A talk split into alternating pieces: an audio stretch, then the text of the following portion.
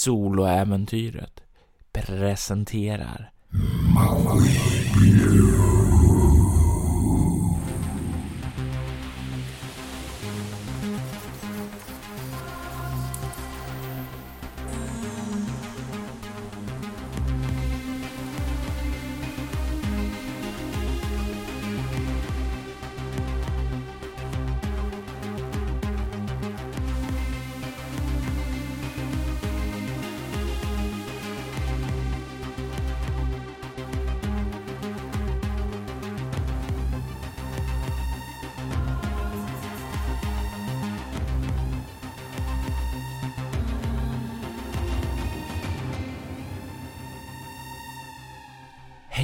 och välkommen till postmortem avsnittet för Maskinblod. Jag sitter här med Kristoffer Schenström som spelade Demian i Maskinblod. Hej! Tja!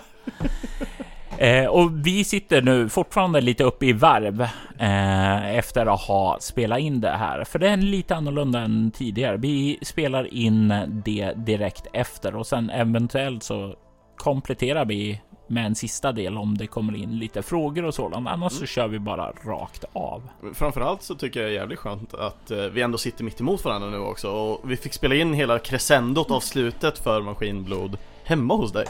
Ja, eh, för vi har ju spelat in det över nätet. Eh, under, ja, när började det? Det är en bra tid nu. Eh, mycket av det kom ju, för vi, vi hade ju planer på att vi ville spela in live egentligen, sitta fram emot, mitt emot varandra och spela. Mm. Men på grund av Corona och det så, liksom drog, då sa vi det, men vi kör det här online istället. Mm. Eh, och det, det, har ju funkat ändå. Eh, det kan ju bli lite problematik med, med uh, utrustningar och sådana saker. Men ändå, jag är en van podcastpratare, du är en van podcastpratare. Och det är ju det som jag tycker det är därför jag gärna vill spela in face to face när jag kan kontrollera utrustningen och sådant. Mm. Eh, jag är alltid, jag är, jag är lite mer perfektionist än vad som egentligen är bra, alltså för jag vill ha bra ljud.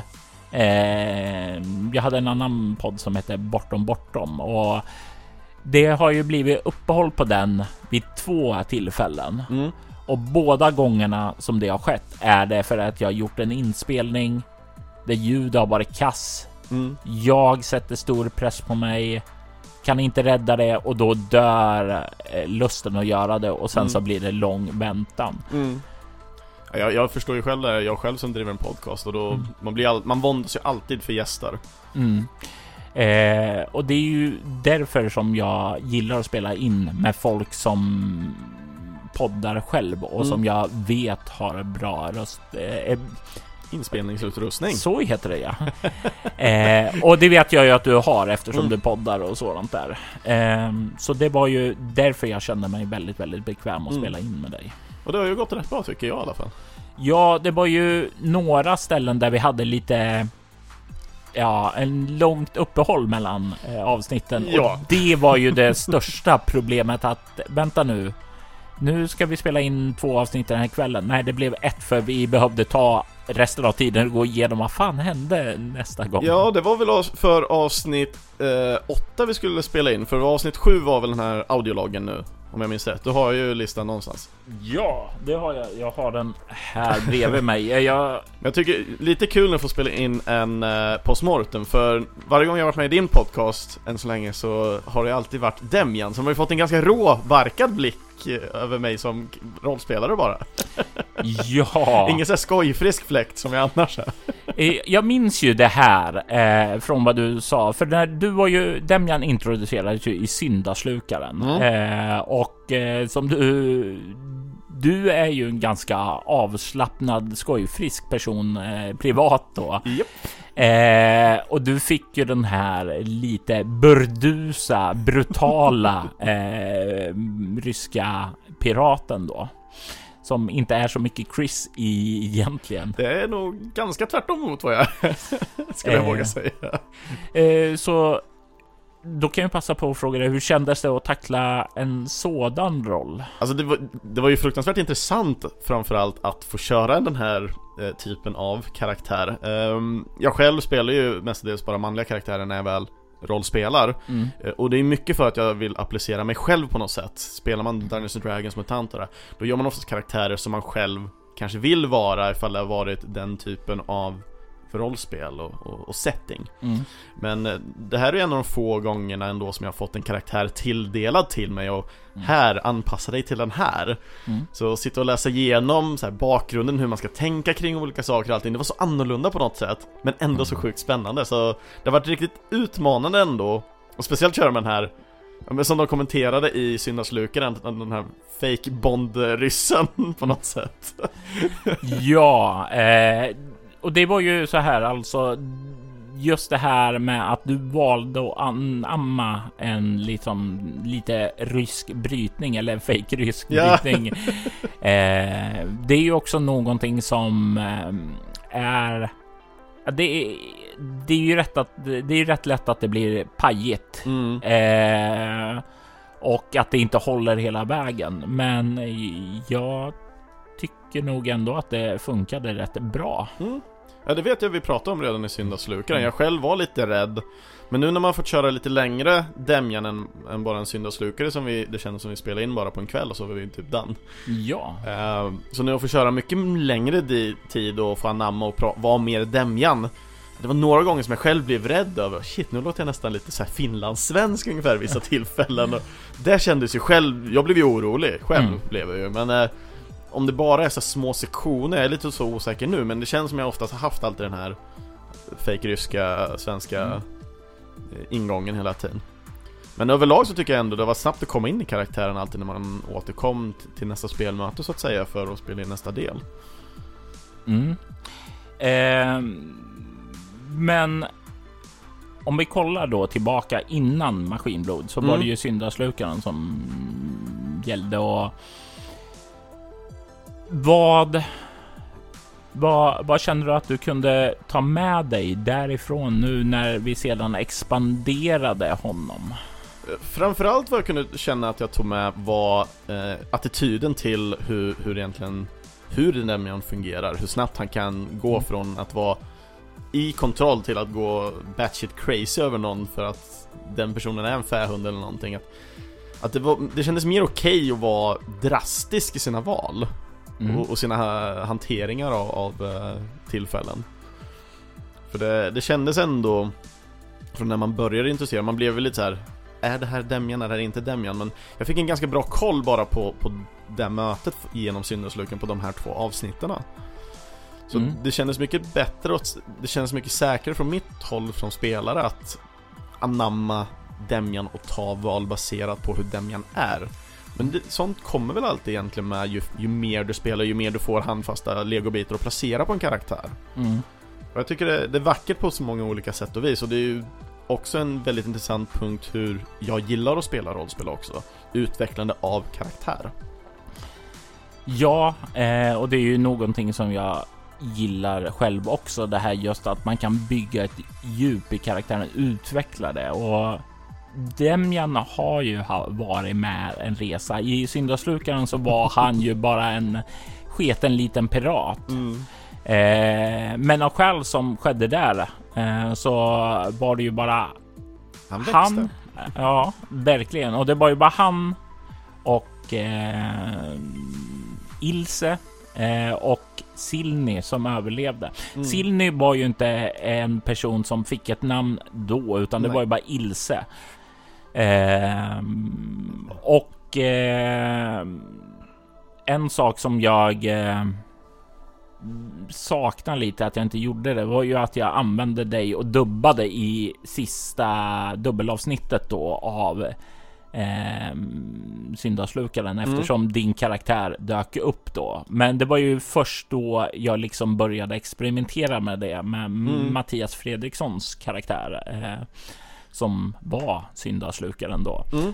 Eh, så det kände jag så här bara, ah, men fan vilken missed opportunity. Och jag fick samtidigt också inte till det att eh, Demjan eh, fick någon form av closure med Rasputin där. För Rasputin syntes ju där i sista delen och han mm. var ju en av syndaslukarnas lakejer då.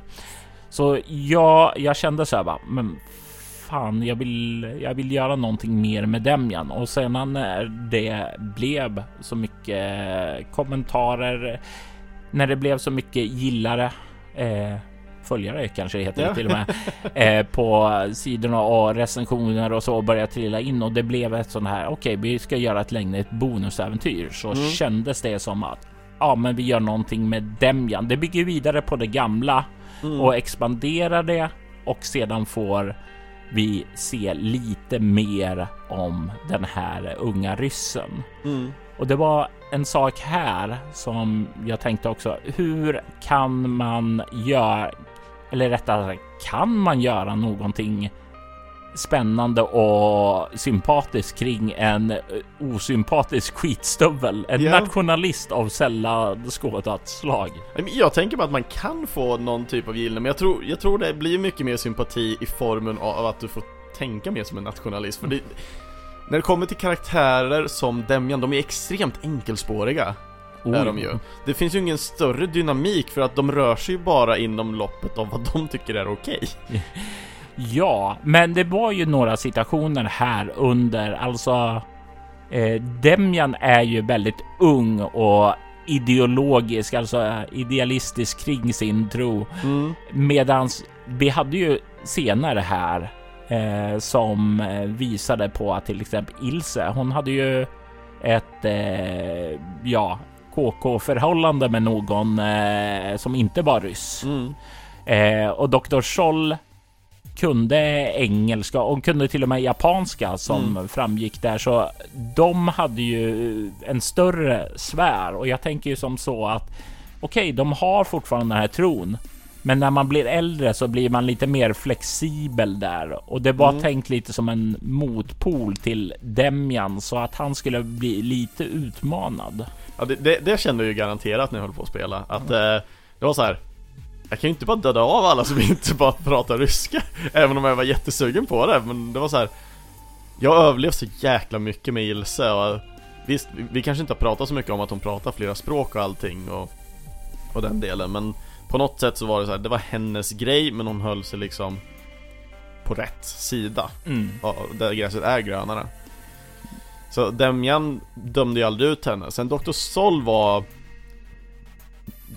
Demjan fick ju mer smak för Dr. Sol allt eftersom interaktionerna och det kändes ju i slutändan som att hon kommer spela en större roll för Demjan och det var ju någonting som Demjan kände jag insåg också.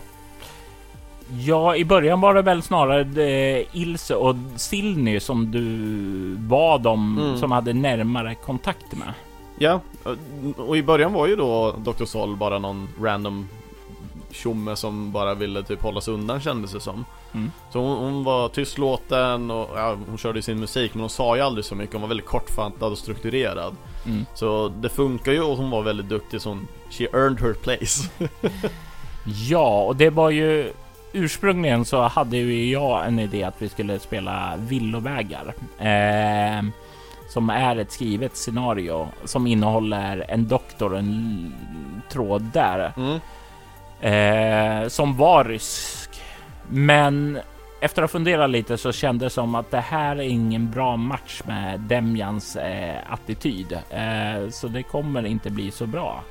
Så jag skippade den idén mm. eh, och eh, men det hade du då redan fått att det skulle vara en doktor, så då ja. fick doktors roll vara kvar då så att säga. Eh, men det gjorde ju att när vi började så hade inte jag någon klar idé, utan jag slängde ut några teman där till dig och du valde någonting med piratkrig mm. var ett av de förslagen där. Yep. Det blev inte mycket till piratkrig. Eh, jag, hade, jag hade gjort en skiss där att efter att du hade att du helt enkelt att du skulle dras in i något storslaget krig eh, mm. mot Neobuku. Att det skulle bli Demjan skulle bli en eh, fruktad eh, piratkapten och sådant. Mm. Men så blev det inte riktigt. jag blev stoppad vid första pitstoppet. ja, och eh, jag, jag gjorde ju som så. Det, jag hade skissat ut den här lilla övergripande bilden. Mm. Eh, så när du gjorde din resa för att plundra Jericho mm. så stötte du på ett Neovoku-skepp, eller rättare sagt ett random eh, Event. Piratskepp, ja, ja precis. men det var ju därför vi slog ju tärning vill jag minnas för det. Så det var ju inte ens planerat att jag skulle hitta ett skepp där Nej, precis. Tanken var egentligen att eh, du skulle hitta en gammal övergiven bas där du stötte på ungefär det som du gjorde ombord mm. på piratskeppet. Så jag tog bara den handlingen som jag hade tänkt där och ja. slängde in på skeppet. Och eh, när du började undersöka då fick du se det här maskinblodet där. Mm, det svarta då. Mm. Och det var ju egentligen det som jag visste att det här skulle handla om. Mm. Eh, och det var ju egentligen det enda jag hade. Eh, det stora temat, alltså maskinblodet. Mm. Det svarta, det är väldigt, väldigt visuellt. Mm. Eh, men jag visste inte exakt allt vad det betydde ännu. Ja, man förstår ju ganska tidigt att det, det, det, det är ju problem med det i alla fall. Mm. För man ser det här blodet alltid kopplat till kroppar. Mm. Gjorde man ju alltid. Så det kommer ganska snabbt över att det är någonting for reals. Ja. Eh, och du såg ju spår att det någonting hade gått väldigt, väldigt fel mm. eh, ombord på det där skeppet. Och tanken där var ju att ja, ni kan få med eh, kropparna ombord, börja se spåren av maskinblodet och nanoteknologin och sådant där. Mm. Eh, ni kan även eh, komma till kommandobryggan, se var ifrån de kommer. Var har de varit? Mm. Deras loggar. Men inte Demjan. Eh, nej, eh, det blev ju som så att Demjan som hade ett intelligens Ja. Eh, Eller ett ego om vi ska prata karaktärsbladsspråk.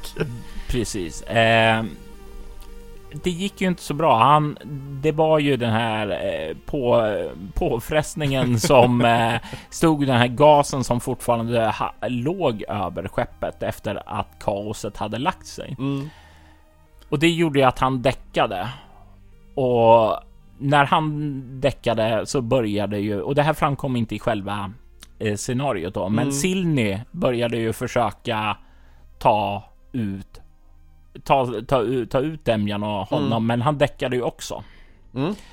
Eh, för han var ju inte den skarpaste i lådan Nej. heller.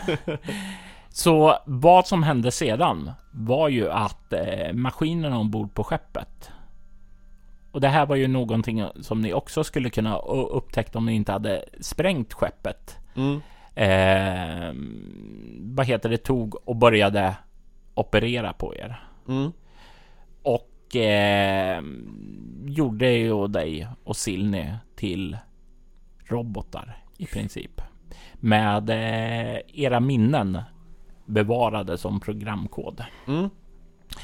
Eh, men det var ju någonting som ni inte grävde redare på. Ni tog vaknade ju sedan upp. Silni hade tagit dig tillbaka. Eh, hintades om att Dr. Scholl sa att ni hade varit borta i flera timmar. Mm. Eh, men det var ingenting du grävde djupare i då? Nope.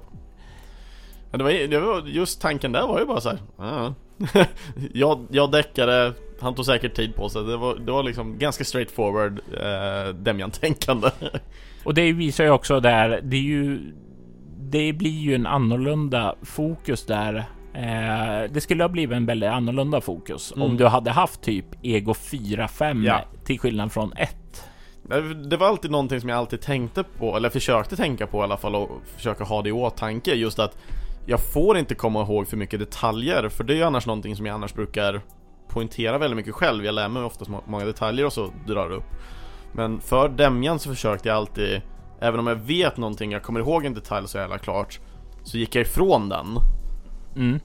eh, Visst, några gånger som vi spelade in så var det ju bara det, det, det gällde inte, det, det minns inte yeah. så, så det var några saker som jag glömde bort liksom att, jag, att Demjan inte skulle komma ihåg Men det, det hörs inte i podcasten för det kommer vi ju redigera bort självklart Men, mm. men just att sådana ändå kom in liksom för att jag minns dem så väl en del av dem mm. Och det är återigen det här med eh, spelare versus karaktärer. Mm. Alltså i, i, ibland så är det jobbigt att spela en dum karaktär. Ja. Eh, för eh, det, det blir så här, man kan inte spela på allt man vill kanske spela Nej. på. Men samtidigt så tycker jag det är kul för att man, man kan göra riktigt så dåliga beslut på ett bra sätt också. Ja, det får ju. De, de är ju rotade i berättelsen på ett annat sätt än man har eh, ett ego. Mm. Så på så sätt så blir det så här, man bara Det här är en generalisk idé och så börjar man förklara och så låter det sig jätteinvecklat men för, för liksom som karaktär som Demjan eller någon så Allting är så klarsynt så här för att det är så dumt Och så bara så här, åh men så här och så kan man göra så här Du menar alltså att du ska bara gå ut och ta ut pengar va? Ja just det, så ja! det blir så här, någonting som är så enkelt är så här så stort och problematiskt görande bara för att han är dum. Ja, nej men precis. Eh, men det var ju det här var jag ju inte beredd på innan att ni båda skulle bli det, utan eh, jag hade väl lekt med tanken att längre fram kanske skulle du eh, hamna i en sådan situation att du hade en minneslucka. Mm. Eh, och att du skulle ja, ställas inför det här faktumet som du fick nu i första avsnittet. Men jag hade tänkt det så här mid season. eh, eh, men det kom direkt då istället. Mm. Eh, Hur kände du själv in, inför den delen? Ja, jag, jag, jag kände mig så här att eh, okej, okay, eh, jag har. Vi kör på det nu då. Eh, förr var jag alltid så här, men jag behöver spara på idéerna för att komma med en ordentlig bra twist längre fram. Nu för tiden känner jag okej, okay, en bra twist. Den kommer in här. Kör! Eh, jag kommer ändå komma på så jävla mycket annat och mm. dra in där, så det finns inget, ingen nödvändighet att spara på krutet. Nej. Eh, tryck plattan i mattan från botten där. Eh, så jag, jag tänkte bara, ah, men vi kör på det nu. Eh, och jag visste ju ungefär, jag, inte ungefär, jag visste ju faktiskt att eh, när, vad heter det, den hamnade i en situation så att eh, du konfronterade Silny och sågade mm. en maskin.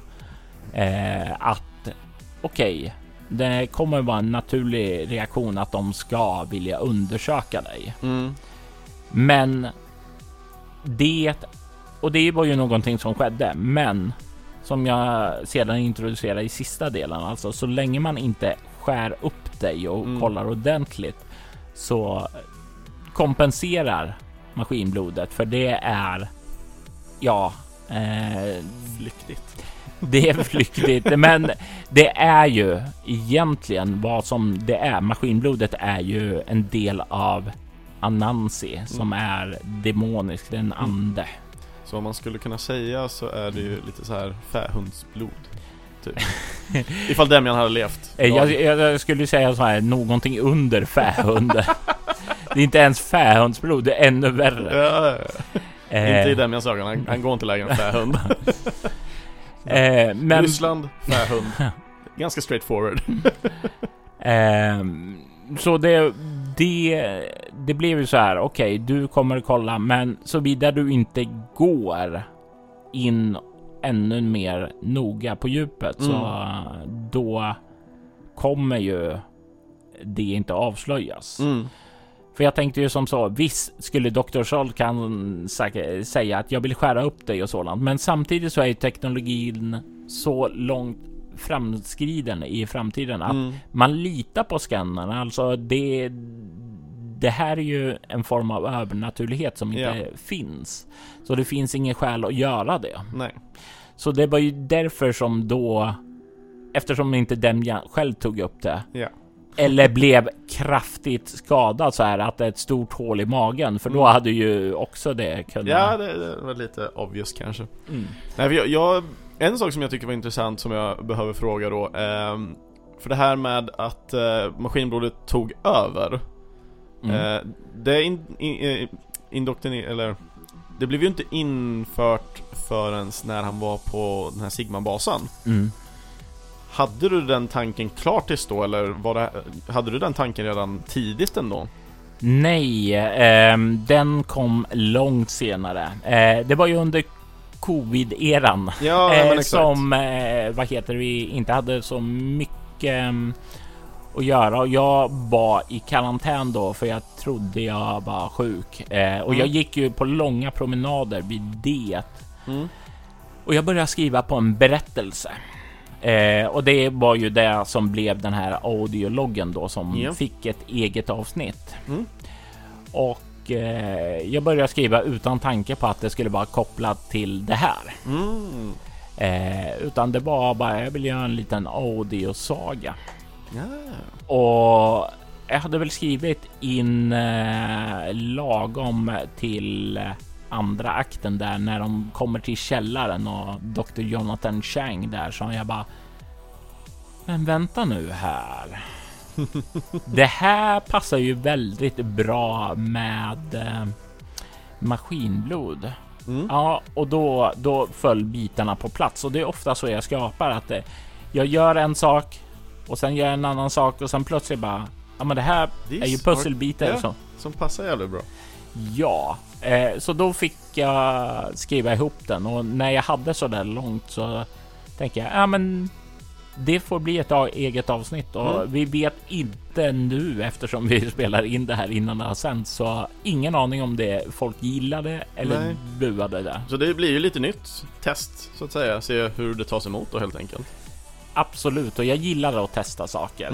Mm. Eh, det utan det så vet man ju inte heller. Det det. Nej, precis. Nej, för jag tänkte på det att hade man haft den här tanken från första början att maskinblodet tar över när man sover. Mm. För när Sylne då kommer tillbaka med Demjan, han är ju redan avslagen på Ja, den delen. Så det skulle kunna bli en helt annan typ av dynamik som har tagit ett helt annat håll här.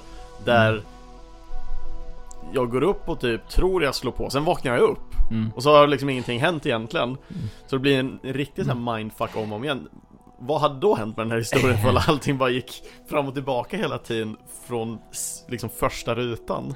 Du hade ju en liten sådan episod när du Mm. vaknade i Ilses säng och eh, höll eh, skiftnyckeln Ja. ovanför henne.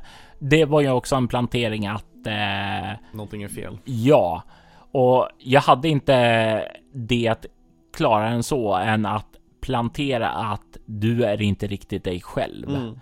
Och vill du undersöka det här närmare? Ja, du kollade väl lite men grävde inte särskilt djupt i det och då tänkte jag, ja men vi släpper det för tillfället. Ja, för i samband med det så tror jag vi var på väg till basen. Det här måste ju vara typ avsnitt två, ja, slutet av två, tre. Tänker jag att det borde vara någonstans. Jag kan kolla exakt här. Ja. Eh, eh, ja, det var i slutet av eh, det tredje avsnittet. Mm. För då, då ger vi oss tillbaks för jag vill minnas då med det att vi väntade med mer undersökning för vi, hade, vi, vi har ju ingen klinik på skeppet. Nej. Har vi ju inte. Och ja, så det fanns ju liksom ingenting att göra. Vi hade ju redan några av de här eh, lastdelarna som vi skulle sälja av. Vi visste att vi skulle börja bygga på en bas så vi kunde forska vidare på den. Och det här var ju intressant för du började med att skapa skeppet som Demjan var pirat över. Yes, och Ja. det var ju skeppet egentligen som vi hade efter syndafslukaren Som vi byggde vidare på Ja. Eh, och det var ju när vi körde igång här så tänkte vi att, eh, nej, vi gör inga, använder inga basregler utan vi kör lite och ser var, det slutar. mm. Eftersom jag... Det här var en kampanj där som jag inte hade en klar bild utan utforskade allt eftersom. Eh, varje, efter varje spelmöte, okej, vad kan jag göra av det här? Mm, mm. och bygger vidare på det. Eh, så det blev ju som så att du hade ett skepp. Ja. Jag började bygga upp på det, skulle göra saker, blev inte riktigt som du tänkte dig och sen Whips eh, så säger Dr. Sol, jag behöver en ordentlig bas. Okej, eh, och då, då ryckte vi fram ett basblad och fick du skapa en bas. Yes! Så det kom ju från ingenstans också. Här. Ja, jag, jag tyckte det var så jäkla kul att få sitta med alla de här för när vi satt i syndafslukan så gjorde ju ingenting basically För jag fick ju Demjan som karaktär och Mm. det var ju bara spela på det som fanns Mm. Medan nu när vi började med det här, det första jag var tvungen att göra var att göra upp skeppet Ja. Och, och göra skeppet var jättekul att sitta och gå igenom och så bara Åh men får jag göra det här, kan jag göra det här? Och sen Mm. så fort jag var klar med det så började jag skissa lite på hur skeppet ska se ut Mm. och det och då, då liksom kopierade jag ju bara typ top-down skissen som, som fanns i någon bok Mm. Och så utgick jag från det och så bygga vidare på Ja. Och sen sitta och välja alla namn och allting var ju riktigt kul med. jag vet inte ifall någon har, hängde med på det här eh, Jezdokaja Lobka. Det är ju gry grym båt på ryska, Google Translateat. Ah. jag, jag själv visste inte någon, alltså jag, jag, jag är jättedålig det, det jag vet typ på ryska är typ Bondfilmer när ryssar pratar Mm. Eller eh, så är det liksom ryssar man hör när man spelar online med folk Men de säger ju typ bara en sak och de, de är bara fett rude Ja. Eh, precis. Så jag Eh, tänkte bara, hur låter det här? Så jag, jag gick in på Google Translate Skrev in på svenska då, grym båt Och så translata till ryska och sen körde jag med voicen, hur låter det här? Så sen la jag in då namnet och sen eh, det fonetiska så jag vet hur jag ska kunna uttala det när vi väl spelar in ah. Nej, men det, det gjorde ju också en del. Alltså, jag, jag skulle ju kunna hänvisa eh, mer till eh, både basen och skeppets namn under spelmötet, men dum som jag är hade jag inte skrivit ner det i boken där som jag hade framför mig, vilket gjorde att det ofta blev skeppet eller basen, vilket är någonting som jag ångrade så här i efterhand. Eh, för det hade varit mer trevligt att nöta in det lite mer. jag, jag tror det med faktiskt, för då Det är ju ändå en identitet av båda två eh, i spelet. De tar ju en ganska stor position i berättandet ändå. Mm. Även om det alltid pratas lite löst om det. Men just att till exempel skeppet var ju ökänt. Nu fick vi ju inte spela så jäkla mycket på det mer än när vi pratade med den här handelsmannen. Ja, eh, Som inte var så jävla Gema-friendly For obvious reasons absolut. Eh, Radimir. mm. Radimir var Fjordur Fjodor, så var det ja. Ja. Eh, det ser jag nu. Eh, Radimir var ju me mekanikern som du slog ihjäl lite senare, eller?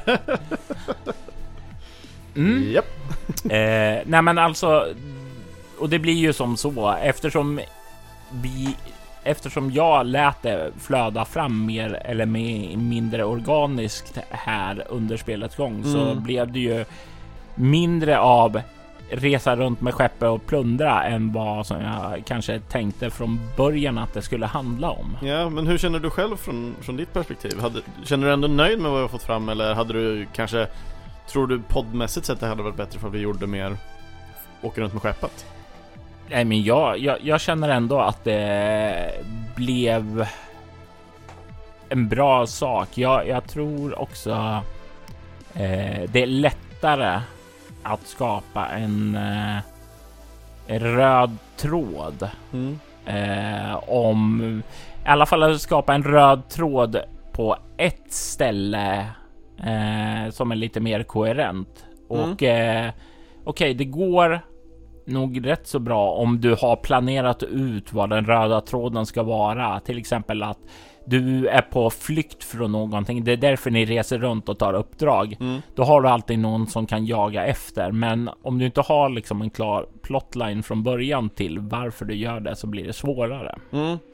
Än om det är på ett ställe så då kan du ta okej, det här etableras i den här berättelsen, tar vi det och här och sen så har vi de här pusselbitarna som plötsligt Mm, mm. faller på plats. Och här hade vi ändå, vi hade ju namnet Maskinblod att arbeta med Du, Mm. du hade idén av hur Maskinblodet ändå skulle fungera och Historien som vi ändå fått fram nu så får vi ju se Vi får se en, en, en plats där eh, Nästan blir som Patient Zero Alltså Origin, vart Maskinblodet kommer ifrån, även om det inte Mm. är det nu Mm. Men vi, på något sätt så får vi ju reda på en, en knutpunkt ändå, vart det kom ifrån vi, Ja. vi får vara med om en karaktär som sakta säkert bryts ner av det svarta blodet, det maskinblodet då eh, Igenom allting men ändå bara står emot allting Men du har också även det här utforskningssyftet då när man kommer till den här Sigma-basen Man går igenom audiologgen, man får den här informationen som bygger på Storyn och loren kopplat till det svarta, maskinblodet Mm. Medan hade man åkt runt hela tiden till olika saker, då, då, då känns det ju som att man hade kunnat få bara så lite bits and pieces hela tiden. Till exempel, om du hade gjort en audiolog, hade du splittat upp den då till exempel ifall man har åkt från bas till bas hela tiden? Hade Mm. Fahrenheit varit den drivande kraften till varför Demian hade åkt runt? Eller Mm. hade Demian själv fått någonting bara, "Nej, men nu ska vi åka och plundra någon Neo bas för att vi fick lite information här som är problematisk. Om vi åker till en till, vad händer då? Ja.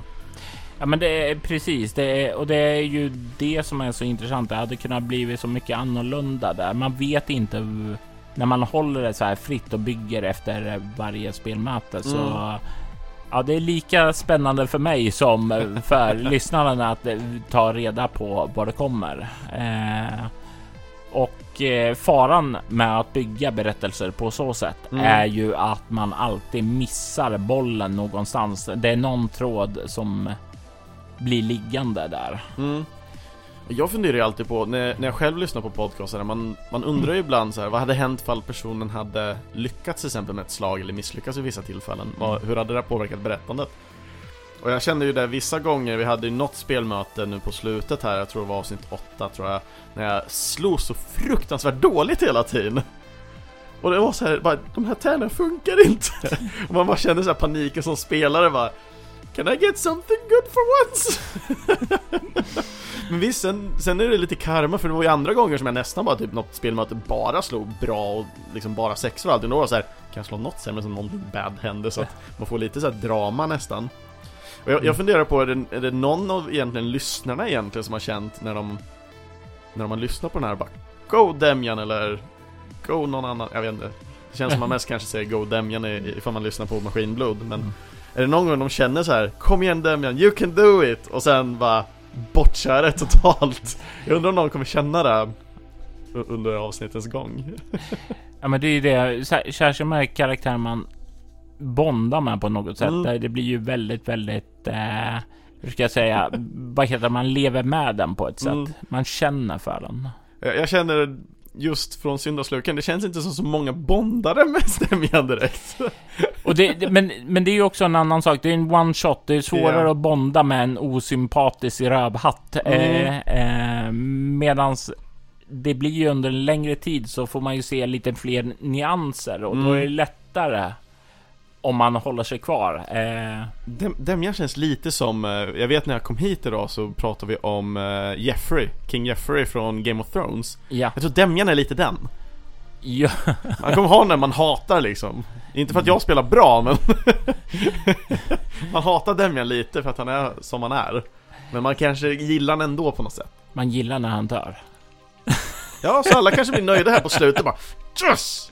Fast samtidigt, Demjan dog som en, en okänd martyr. Ja, jo, nej Så, men precis. Demjan, nöjd. Ilse... Fingerlös. Fingerlös, ja. Hon kan inte göra så fingerguns längre. nope. Jättesad. Kan inte svara på sms. Mm. Kan inte trycka på en pistol. Eller ja, hon, literally kan hon ju skjuta dem upp och ner men det är extremt obekvämt tror jag. mm. Nej, så att, men... Ähm, nej, eh, just det så sure, om, om Demian dör så kanske folk blir glada bara äntligen blev vi av med den här rövhatten. Men ändå, liksom, han, han höll sig på sitt håll, han, han, han räddar ju en del i alla fall. Ja, nej men absolut. Jag vet inte hur många det är, jag vet inte hur snabbt de sprider sig liksom. Men spränga sin bas så att de inte kan använda de grejerna inklusive spränga loss, eh, ska man säga, tumören från Golgata mm. åtminstone. Mm. Eh, när du då skapade basen mm så fick du ju etablera, eller rättare sagt, du fick inte etablera hotet för det hade ju jag låst till maskinblod. Yes. Och eh, jag kommer inte ihåg, men jag tror det var jag som etablerade utmaningen eh, mystisk observatör. Korrekt, så jag hade egentligen bara en valfri att, äh, att välja. Mm. Eh, och jag satt och läste igenom och eh, jag valde att jag hade en dispyt med en faktion, vilket var Lady Fahrenheit. Ja, och det är ju en av de större piratflottorna. Eh, faktiskt den största piratflottan. Mm.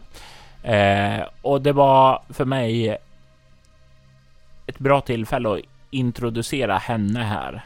Mm. I kanske inte behövt introducera henne i sig, men jag tyckte det var ett bra tillfälle att göra det. Så det fick bli henne som du hade interaktion med och det är så lustigt där, för då kommer vi tillbaka till det här att hon talar bara engelska mm. och Demjan bara talar ryska.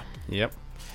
Eh, jag, jag tänker bara det hade varit så jäkla kul för Demjan försökte någonting men det, det känns som Demjans episod hade blivit väldigt kort då.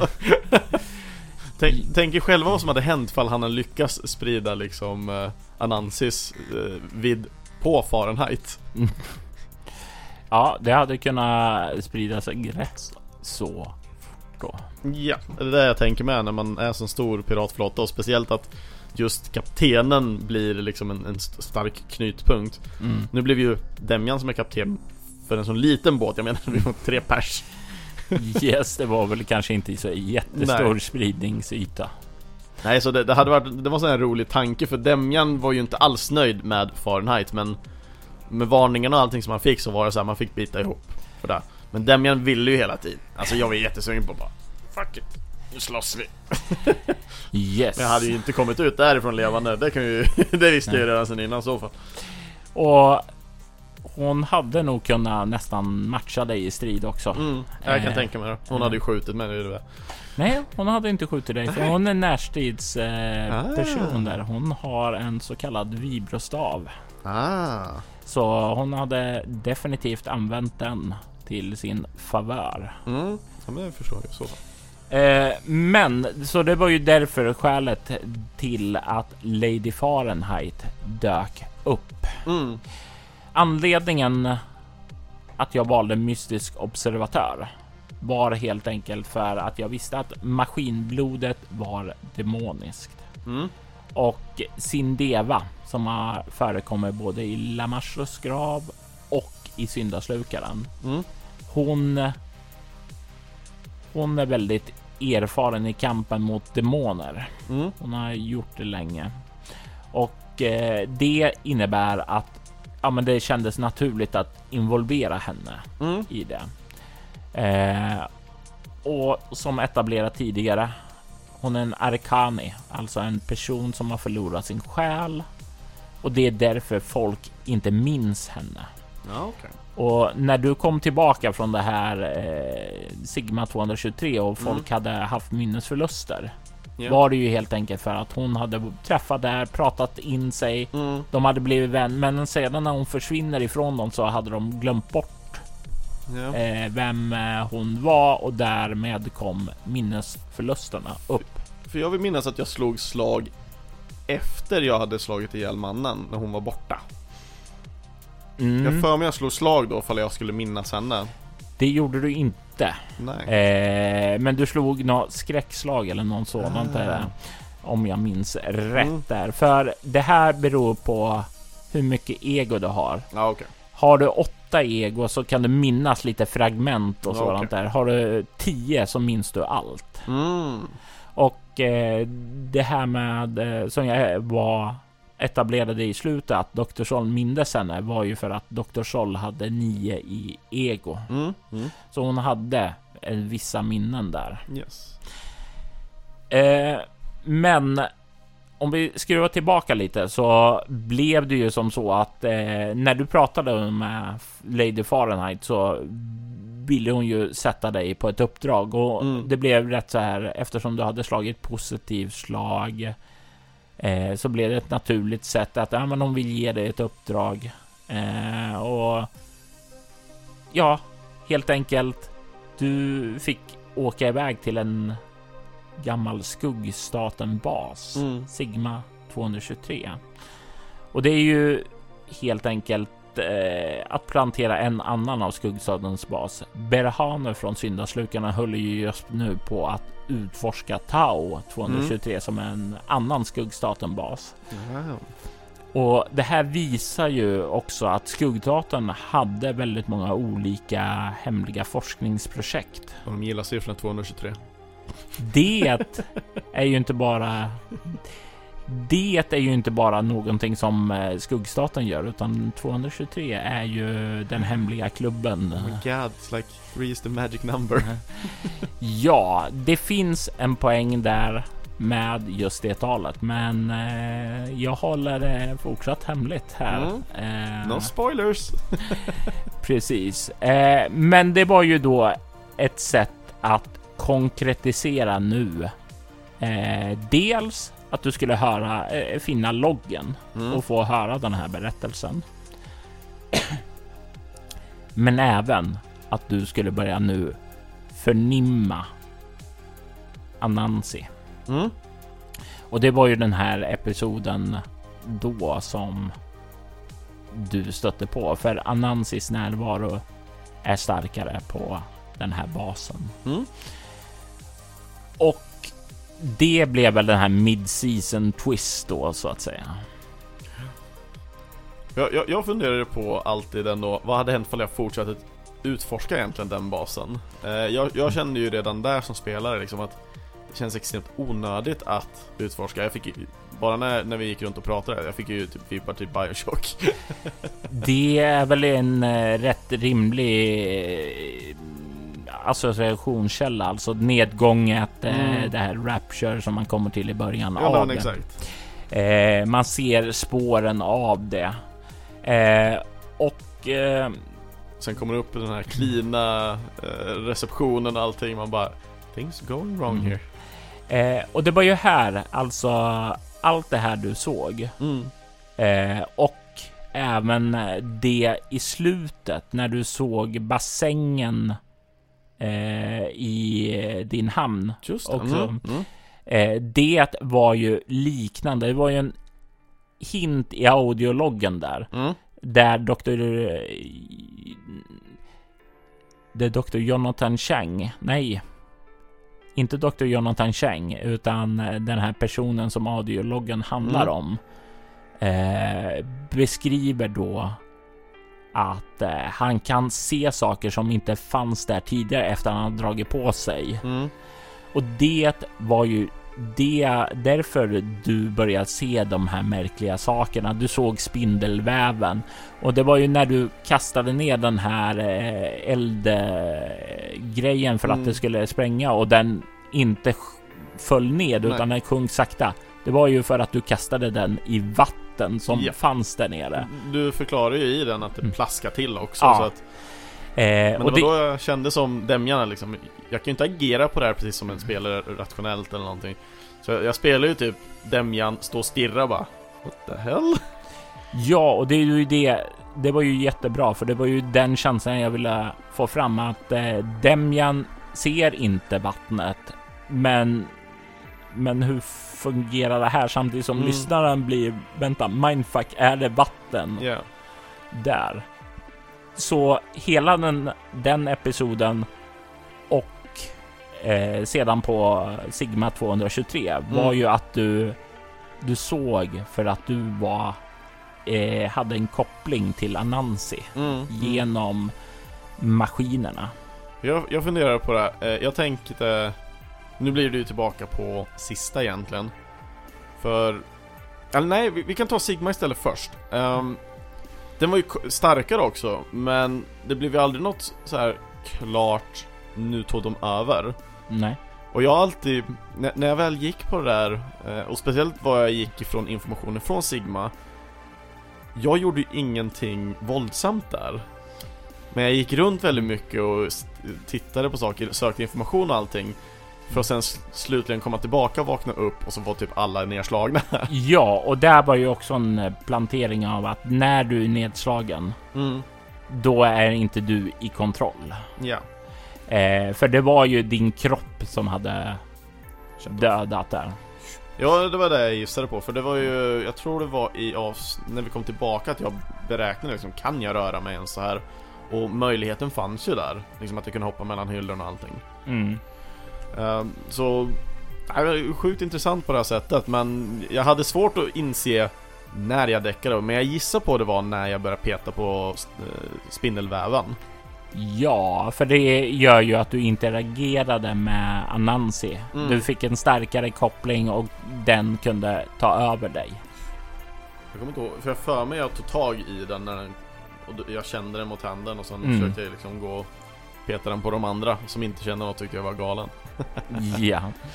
Eh, så det var ju därför du såg de här konstiga sakerna där. Mm. Och det var därför det dog så många där. Alltså yeah. du, du stärkte ditt band till Anansi. Mm. Eh, men du undersökte den inte tillräckligt noga mm. eh, för att eh, du skulle kunna finna eh, saken där Anansi var fängslad och mm. därmed ta med dig den därifrån eller förstöra den där. Mm. Så det var väl vad du missade? Ja. Miss och missa. eh, men det skulle jag väl säga. Hade du gjort det så hade du ökat din chans för ett lyckligt slut. Mm. Ja, det förstår jag. Det förstår jag. Jag, jag, jag gillar ändå slutet som jag fick. Jag är väldigt nöjd med det ändå mm. på något sätt. Men eh, det var lite annorlunda mot vad jag tänkte att det skulle kunna mynnat ut i också. Mm. Vad hade jag, du tänkt att det skulle kunna mynna ut i? Jag, jag tänkte att det skulle kunna mynna ut i att vi kunnat förstöra sakerna men att de skulle kunna få ut med att använda mig som någon slags här Ta ut Anansi så vi kan liksom ta ut allihopa. Mm. Som använder mig som en katalys egentligen för att komma åt allting annat. Och sen kan Demjan gå runt och vara Demjan. Men problemet är att jag, jag, när, jag, när jag väl faktiskt fick det bekräftat att det var sömnen och att jag däckade hela tiden som, var, som gav mig alla de här crazy shit. Och speciellt mm. att jag kände att det var då jag inte var jag. Mm. Eh, och då kände jag så här, det här kommer bli och mynna ut i någonting som är Nightmare on Elm Street där jag försöker hålla mig vaken konstant hela tiden. det kommer komma så här låtar med, uh, istället för Freddy så är det Anansi One, two, Anansi's coming for you. Three, four. And so on. Yes. Demian ligger på sin hytt och gungar i fosterställning och sjunger den här låten. Mm. Alla på hela båten blir hemsökta. Vår kapten, what the fuck men det var ju som sagt var när vi, vi hade en liten mellanepisod där du eh, skulle iväg och handla en mm. nod och sådant och det var ju i princip för att du skulle göra ett inköp. Mm. Eh, men också ett möjlighet för mig att introducera sin deva då. Mm. Och eh, det var ju någonting som du Demjan aldrig skulle direkt komma ihåg. Nej såvida inte du hade varit vänligare mot henne och hon har liksom stannat kvar hos dig. Mm. Eh, för så länge hon befinner sig i din närhet hela tiden, då kommer du ihåg henne. Mm. Och hade du varit så här bondat mer, mm. då hade hon ju, för hon vet om det, så då hade hon ju anpassat sig och då hade det kunnat gå in i den sista akten men mer information om vad som pågick här. Mm, mm. Nu, eller rättare sagt, Dr. Scholl hade ju lite insikt. Mm. På men, forskningen? Ja, på, forskningen, men även att hon hade kontakt med doktor... Med, ah, med, med Cinderella. Ja, precis. Dr. Scholl hade ju lite kontakt. Jag kände ju som det, som, som Demjan. Jag, jag kände ju ingenting för jag vill minnas med tanke på minnesluckorna att vi har hört att det var en flicka någonstans Men jag kopplar aldrig att det var den där flickan mm.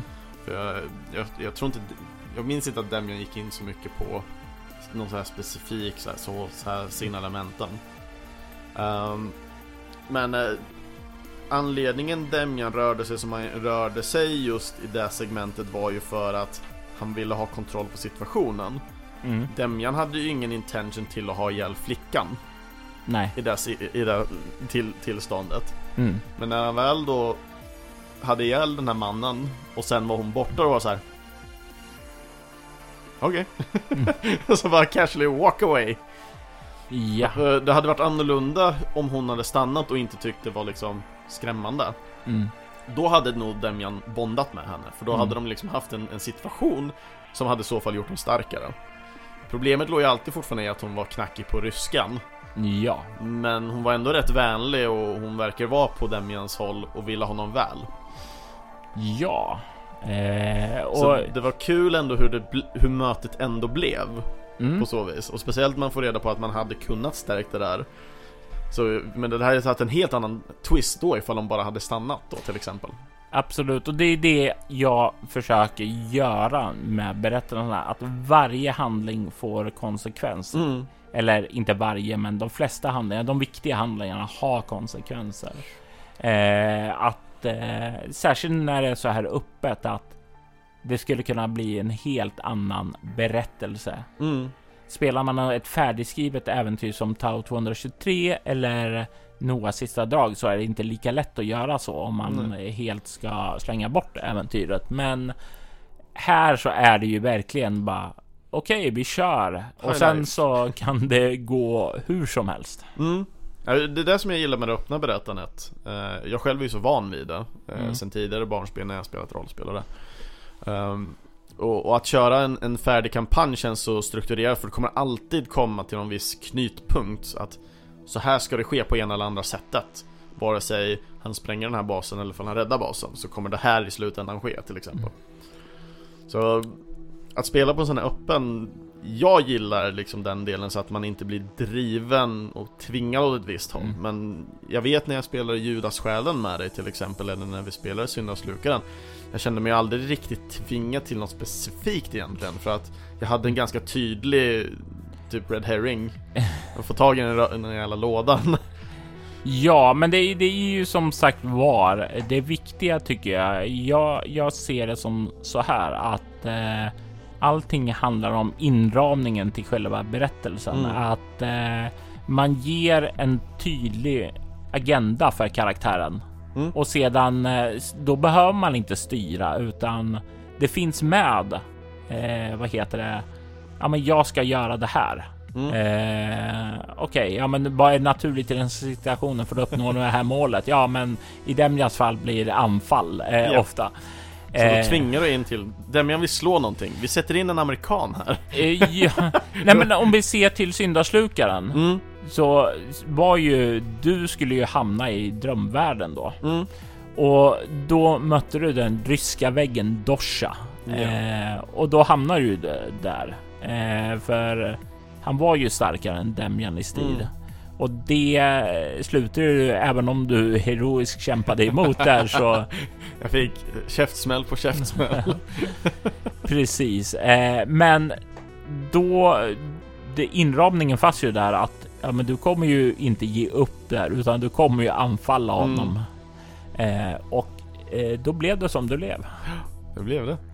Eh, och det skedde på ett naturligt sätt. Du Mm. blev inte styrd till det. Eller jo, du, tekniskt sett så blev du ju styrd Ja. av det, men det var inte som... Men det fanns ju ett mål som jag var tvungen att nå. Ja. Och sen, sen hur, hur jag kom dit hade ju varit upp till mig. Mm. Jag menar jag skulle kunna haft en harpun, skjuta lådan så ta, ta dit den. Visst, Ja. nu skulle jag inte skada lådan, men ändå. Mm. Valmöjligheterna finns ju alltid i, i spelarens eh, liksom, synfält och, och öde Mm. till att välja hur han vill få slutändan av det.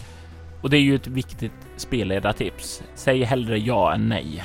Eh, För eh, det är roligare att... Eh, ja, precis. Exakt så. Och om du säger ja så kan du säga men också. Mm. Eh, och då får du ändå, du uppnår det, men det kommer till någonting nytt. Fördelen är ju också för att en spelare oftast han ställer någonting ställer ju för en anledning. Ja. Han ställer ju för att han kanske vill ha ett magiskt svärd. Ja, Bara, ja, du kan få ett magiskt svärd, men det, varje gång du använder svärdet för att slå någon så kommer det ta en bit av din själ, mm, till exempel. precis. Eh, men nu eh, när vi satte oss ned idag och började spela in den sis, de sista delarna. Mm. Vad hade du för tankar då, Chris? Alltså min, min, min största tanke är ju egentligen att jag på något sätt vill jag, jag vill få ett avslut på Demjan, men jag vill att jag vill ju ha ett, ett slut där Demjan ändå kan få vara Demjan sig själv och sprida sin Sila Pirat eh, kur liksom. Ehm, så jag, jag ville ju i all min makt egentligen få Demjan att överleva till Mm. sista avsnittet. Till, vad som än egentligen händer. Ja, visst- eh, det är nog rätt säkert att han överlever till det sista avsnittet. För, Jo, men just att han ändå på något sätt spel, spelarmässigt sett pensioneras. mm. Liksom att han bara, ja men Han lyckas liksom ta bort eh, maskinblodet ifrån sin kropp Visst, vi förlorade till, till exempel hela basen men vi lyckas liksom komma undan och nu kan vi liksom resa vidare och sprida Silla pirathat överallt, eller liksom mord Mm. överallt Ändå, eh, och sen är det liksom Nu är det lugnt med det, vi har lyckats den här, nu kanske vårt nya mål blir att vi ska gå och jaga mer maskinblod Men det får vara till en annan historia Mm.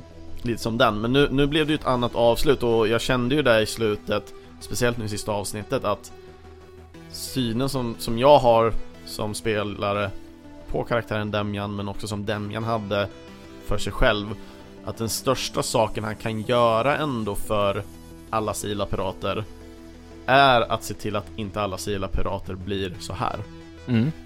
Det är det bästa valet han kan göra. Han måste offra sig själv för the greater good. Ja. Jag inför de här sista avsnitten så då hade jag börjat fundera på möjliga slut. Mm. För jag brukar vilja ha åtminstone tre olika slut. Yep. Och det, det du fick det ena slutet. Eh, surprise, surprise. jag men, att vi kunde hålla ett av dem i alla fall så att vi inte gick in på ett fjärde nytt. Ja, nej men det, det, det lyckliga slutet. Eh, hade ju, det hade ju inte gjort dig helt lätt med tanke på valen innan och sådant där. Mm. Eh, för det fanns ju långt tillbaka det här mm, små saker hela tiden som eh, hade kunnat gjort att du hade brutit dig fri från eh, så första steget, gå inte in i, i rummet med toxic gas. Steg ett. ja, och om du gör det eh, när du befinner dig på Sigma 223, utforskar det närmare och förstör eh, Anansi. Anansis eh, maktkälla. Mm. Eh, och då hade ju du kunnat rena dig själv ifrån dess mm. kvarvarande mm. inflytande. Så hade ju inte varit Demjan längre. Det Nej, då hade du men då hade du varit svartblodsdemjan. då hade du ju varit i princip en eh, ja, eh, typ. Eh, du hade varit Demjan i allt bortsett från att du hade en robotkropp. Mm. Eh, du hade inte haft några andra krafter eller sådant, utan du var som Demjan i allt. Då, då är det ju eh, teoretiskt. Jag vet inte hur det funkar med robotar i det här universumet, men robotar är ju oftast liksom de utvecklas ju inte såvida de uppgraderas. Om Demjan ändå hade liksom blivit ren och blivit robot-Demjan hade han någonsin kunnat utvecklas mer då som karaktär? Ja, eh, robotar eh, finns officiellt inte i Leviathan utan mm. det är mm. någonting som kommer introduceras först. Med i, eh, med, nej, inte riktigt med Maskinbrodern, men med Leviathan-boken eh, Ljusspringarna, kampen om Gema. För där introduceras avatarerna som finns i olika klasser. Mm. Och bi, ja, sy, cybernetiska eh, personer, robotar och sådant, det finns ju där. Mm. Eh, och det finns ju egentligen, inte officiellt då, men eh, det, har, det finns ju en fraktion som heter Anastasia Robototechnica mm. eh, som officiellt Ja, de sysslar med robotar, men de har ju ingenting som är mänskliga Rob robotar, nej. utan det är industrirobotar eller robotar till eh, stridsskepp och sådant. Mm. Såklart att de har. Eh, det är bara att de inte visar det publikt. Ja, precis. Och det finns ju en robot planterade i en av Leviathan-böckerna. Mm. Som in, det inte står uttryckligen, men jag visste när den, jag skrev in den här att det är en av... Det finns en twist. Det är en robot där. Det är en infiltratör från det här företaget som gör saker. Eh, det kommer avslöjas senare. Nu alla pausar podcasten så floppar runt i alla böcker. Ja, eh, men det är därför jag säger sådana här saker så ja. man kan börja spekulera. Eh, så det är ju något som kommer introduceras där och jag hade inte maskinblod eh, klar i början här, men det kommer ju vara två stycken vägar. Mm eh, möjliga som knyter till maskinblodet. Dels är det det som Demjan var, alltså en typ av robot som maskinblodet har skapat. Mm. Eh, som kan växa i styrkan ju starkare maskinblodet blir. Mm. Sedan så finns det det som Dr. Chang och den här andra personen är. Eh, den andra personen som spelade in den här loggen, den mm. onämnda personen. Och det är ju mer som, ja, hur ska jag beskriva det som eh, technomages. Mm. Alltså de har fullständig kontroll. Eh, över cybernetiska. Ja, precis. Och de vill ju sprida det här teknologi, ja, mm. förbättra det för att det ska få bättre spridning. De är mer kontrollerade och Co låter det nästan som. De, de, vill konvertera sig men ha full kontroll. De vill ju sprida det vidare för att eh, kunna kontrollera folk. Det var ju mm. det som det slutade med i loggen. Yeah. Och en sak som jag bollade med som aldrig kom och blev av var ju att du hade ju etablerat rykten kring mm. basen. Mm. Att eh, den förra ägaren klev in här och kom aldrig ut. Mm. eh, och eh, när du skrev det så hade jag en tanke om att det finns ett hemligt laboratorium där den här Dr. Jonathan Cheng var. Mm, mm. Och eh, jag hade en tanke om då att det skulle vara någon slutstrid där du, om du inte liksom förstått att du var en robot, så yeah. skulle han börja kontrollera dig och visa sina mer technomages mm, krafter. Mm. Nu blev det inte... Now it gone boom. ja, men jag vet inte ens om den fanns där nu, för det blev inte. Det blev också en sån här idé som föll bort. Nu kommer ingen få reda på det, för bossen är borta helt enkelt. Så det, folk kan sluta spekulera i den. eh, men så det, det är ju någonting. Det, det, jag skulle säga som så att ja, Demian blev en robot, men han hade fortfarande möjlighet att utveckla sig själv. Mm. Och då kommer det fram till det här.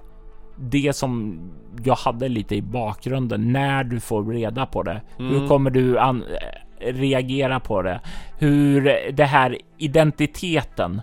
Okej, okay, jag är en robot, men jag känner ju som Demian. Vad är min, alltså yeah. är jag fortfarande en människa? Och det är en sån här sak som jag tycker är väldigt spännande att arbeta på. Det var ju nu, lite där jag började på nu på mm. de sista två avsnitten när jag nästan hade en innerlig dialog med mig själv mm. Innan du kom in och hoppade in med mina andra kompis sinnen Ja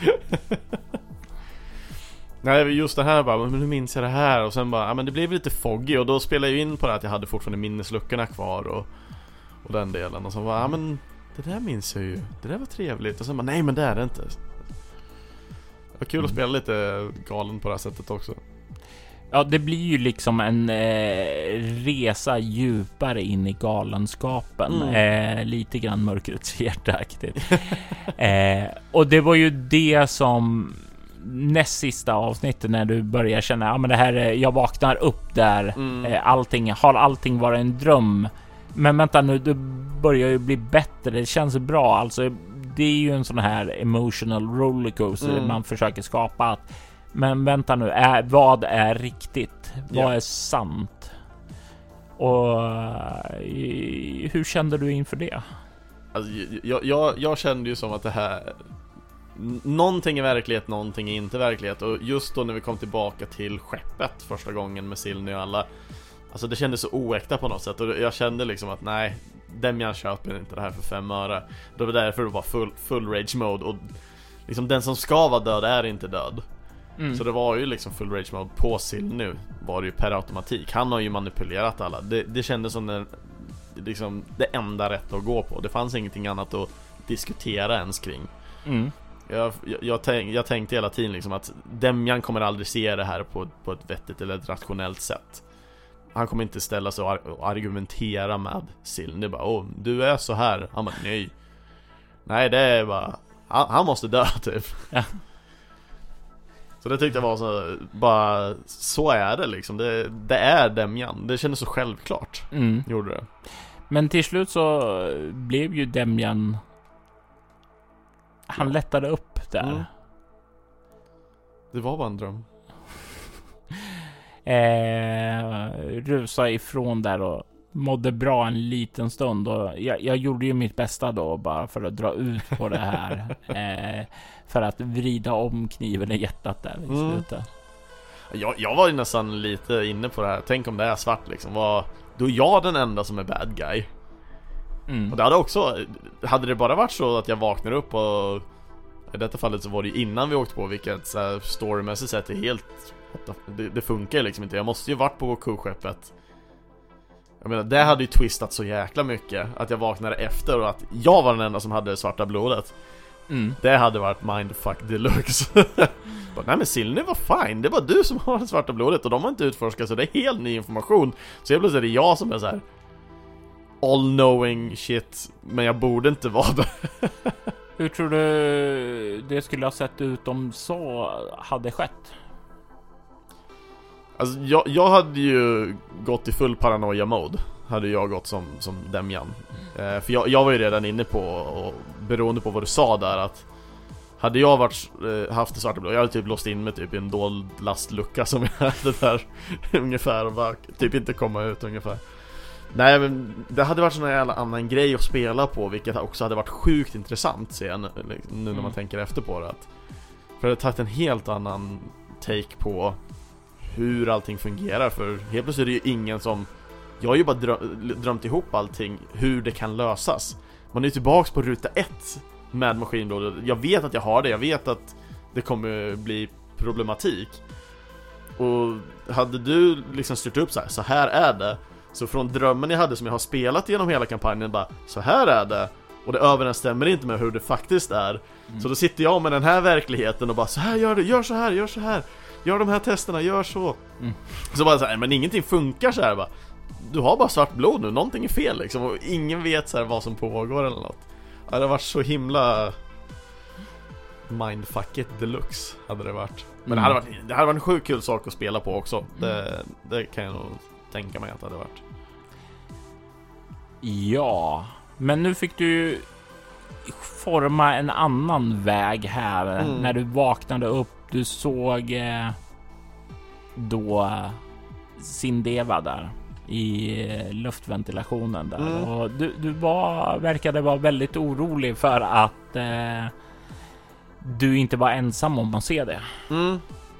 Och jag, jag tänkte ju i och med att de alltid använde ordet vi hela tiden Mm. Så förstod jag att det är ju inte bara Silny, det är inte bara Anansi Utan det är nog alla Som någon slags split personality deluxe Och det var ju för att visa att ni alla var sammanlänkade. Alltså Mm. ni är ju i ett, alltså ni är ju Hive kollektiv. Ja, precis ett hive-mind där. mm. Men eh, de hade inte de hade inte så att de såg igenom dina ögon eller Mm. sådant, så de såg inte det här, utan det, det enda gången de hade access till din kropp var när du sov. Mm.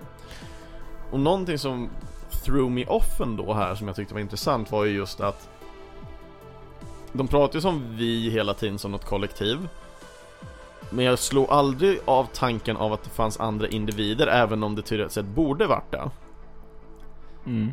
Med tanke på att det kändes som jag var en kataklysm som de liksom tog över Som att, ja men lite som ett datavirus ute i cyberspace och så är jag en robot Så när jag bara loggar av då går de in och tar över Mm. Och det var ju lite så det blev så här. så fort jag gick och sov då kunde de liksom köra sin grej Men just när du throw, slängde in med Silne där, som att han var med där Mm. Då förstår jag ju liksom att de behöver någonting att ta tag i Så om jag, dö, jag Det var ju då jag kom in på den, jag behöver döda mig själv Antingen ska jag använda som mig själv och typ hålla mig vaken och försöka, när jag väl sover så ska jag typ Fästas Houdini-style Ehm, Men fortfarande i koppling till det här Bara försöka liksom slå emot dem hela tiden, låta dem försöka påverka så att jag kan hitta och bara förstöra källor hela tiden För Mm. att utnyttja då för att ta bort den här makten som egentligen kan stå emot Sila-piraterna Ja. Så, men just det där Silne, det, that threw me off, gjorde det För då, då blev det så här bara, hur funkar det här? det var liksom så här, för mycket röda trådar för, för, för Demjan och koppla det var så här bara Fuck it, I just killed myself Eh, det är enklare för någon med ego 1. Ja, det är betydligt lättare Ganska straightforward Mm. It's too hard, fuck it Eh, men eh, det hade ju varit, hade du inte dragit dig ur så hade ju dragit dig ur själva kliniken. dragit dig ur själva kliniken. mm. så hade ju du då hamnat i en situation där du hade sett hon komma ut. Hon hade kunnat kommunicera med dig i ja, skriva mm. och sådant så hade ni kunnat plan planera lite eh, tillsammans. Mm. Och hade hon kunnat berätta lite vad som hade hänt eh, när du var ute. Mm. Berätta om Dr. Sol och Ilse. Yeah. Och då hade du fått lite mer information att göra och då hade det blivit eh, vad heter det lättare att eh, försöka nå fram till det här lyckliga slutet. Och mm. Nu så var du ju egentligen fast med de två andra sluten. Yeah. Eh, ett hade ju varit då att du hade bara gett efter eh, för eh, krafterna. Jag gissar att det gällde att jag skulle hoppat ner i vattnet. Ja, hade du gjort det ner så hade du kommit och omfamnats mm. av Anansi. Och det var det jag gissade på ändå, mm. för det, just med alla spindelnät, jag kände att det var kopplingen på något sätt. Jag ville på något sätt hålla mig ifrån det så länge jag kunde i alla fall. Mm. Men tanken slog mig ändå. Mm. Det gjorde det. Eh, och då hade du ju väckt eh, dina krafter. Du hade ju fått eh, full tillgång till dem och du hade ju blivit mäktig. Mm. Men... Jag hade ju inte varit mig själv längre. Precis. och där hade du verkligen inte varit dig själv, utan du hade ju varit en del av det kollektivet. Jag har varit en evig sömn. Mm. eh, du hade ju då kunnat antingen hänge dig åt det mörker och bli den nya The Dark Demian. Mm. Eller så hade du kunnat bli så här bara fuck it, jag kopplar bort och då hade du hamnat i den här. Ja, som du var inne i den lyckliga verkligheten, alltså innan allt det här hände. Mm. Och då hade du blivit. Det hade varit lite grann då som det här ta pillret och stanna i Matrix. Mm. Eh, och leva i den här falska verkligheten samtidigt som din kropp gick berserk. Yeah. Eh, och sedan så var det ju det slutet du gjorde, alltså offra dig och du drömmer dig tillbaka till en bättre tid. Alltså mm. det blir det sista kvarvarande. Det blir som ett för... fint minne liksom, så här, sista momentet mot ljuset. Precis. det är vackert på något sätt. Nej, jag, jag tänkte ju, när jag gick ut så handlade det ju mer om, för jag trodde ju de såg vad jag såg. Så det var där jag var mest var rädd för. Jag gick ju ut på grund av att jag ville få ut informationen utan att de reagerade på det mm. egentligen. Ja. Så jag hade ju bara hoppats på att de hade missat det och sen gick jag ut och då, det var då jag tänkte, men jag, ropar de här sakerna för att förmedla det. Jag hade ju inga tankar på att de skulle komma in för det kändes som den dummaste idén ever. sen när man känner bara någonting sticker till och man bara Fuck. Nu kommer och... jag gå bärsärk men det var då jag kände liksom, jag kan, jag, jag kan ge ett sista grej. För då tänkte jag liksom, om jag ändå kan förmedla all information så tänkte jag Hon kanske känner tanken att hon kan utnyttja mig på något sätt. Mm. Men hon dödade av mig istället. ja. Då kan hon ju inte utnyttja mig längre. Så det fanns en sån här pest eller kolera good ending, typ. Eh, skälet till att hon dödade dig mm. var inte var ju egentligen för du sa spräng skiten. Yeah. eh, och hennes resonemang, för det var inte en, det som hon gick in med, utan hon skulle gå in, eh, göra dig medvetslös och sen så eh, binda dig och hålla dig fånge mm. så att eh, Dr. Sol skulle kunna försöka börja experimentera så som du hade sagt. Yeah. Men när du säger döda mig, spräng yeah. allting eh, to Kingdom Come. Då blev det så här. Ja, men hon har inga problem att döda. Hon mm. dödar för att eh, stoppa liksom. Ja, eh, hon har, gjorde ju det i syndaslukaren också när mm. eh, vad heter det då? Hathor inte tog det här sista steget där. Yes. Så hon gjorde det utan att tveka mm. eh, till eh, sorgen hos eh, Ilse. Och, yeah. Men det är ju ändå for the greater good ändå kan man väl kan jag tycka i alla fall. Ja. Från, från det här perspektivet nu när hon spelar Demian och allt. Men det är också den Jag gjorde ju de, mycket av de här sakerna för att leda av äh, Nu glömde jag namnet igen äh, Asmo... Eh, Anensi. Anasi. Anasi.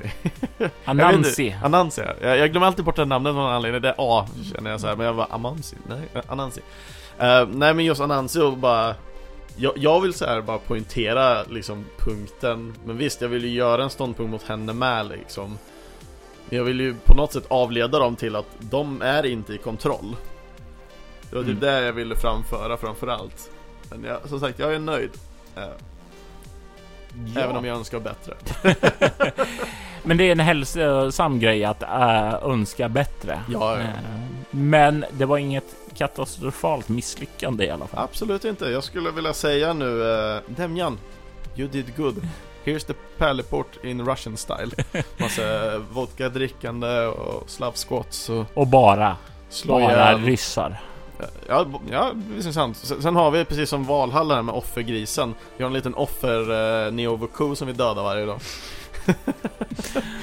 Ja. Ehm, Sila piraternas Heaven eh, men jag tr- tror vi har hunnit gå igenom allting nu och Ja. fångat in det mesta ifrån kampanjen. Yes Eh, om inte du har några sista tankar eller någonting som du Nej, känner- jag, jag tycker eh, min, min eh, tanke med hur jag byggde upp basen känns väl egentligen irrelevant till vad kampanjen egentligen handlar om. Mm. Så ja, jag känner mig väldigt nöjd. Det har varit eh, supertrevligt att eh, få, få gästa och spela Demjan. Och det har varit ett fantastiskt nöje att spela med dig Chris. Eh, tack så mycket! Mm, tack så mycket själv! Och tack till er lyssnare som har lyssnat på detta avsnitt. Och vi hoppas att ni har haft lika trevligt som vi har haft medan vi spelade in. Detta har varit Maskinblod på Smortem. Ett avsnitt där jag, Robert Jonsson och Kristoffer Schenström som spelade Demjan har diskuterat om berättelsens början, mitt och slut och gett våra reflektioner av den. Temamusiken till Maskinblod gjordes av Marcus Lindner och musiken i övrigt gjordes av Dream State Logic. Soloäventyret är en actual play podcast där vi spelar rollspelen Bortom och Leviathan. Ni kan komma i kontakt med oss på info.bortom.nu. Det går även att följa oss på Instagram och Twitter på att spela bortom som Soloäventyret och Bortom på Facebook samt på bortom.nu. Maskinblod har varit ett bonusäventyr som blivit till tack vare er lyssnares engagemang.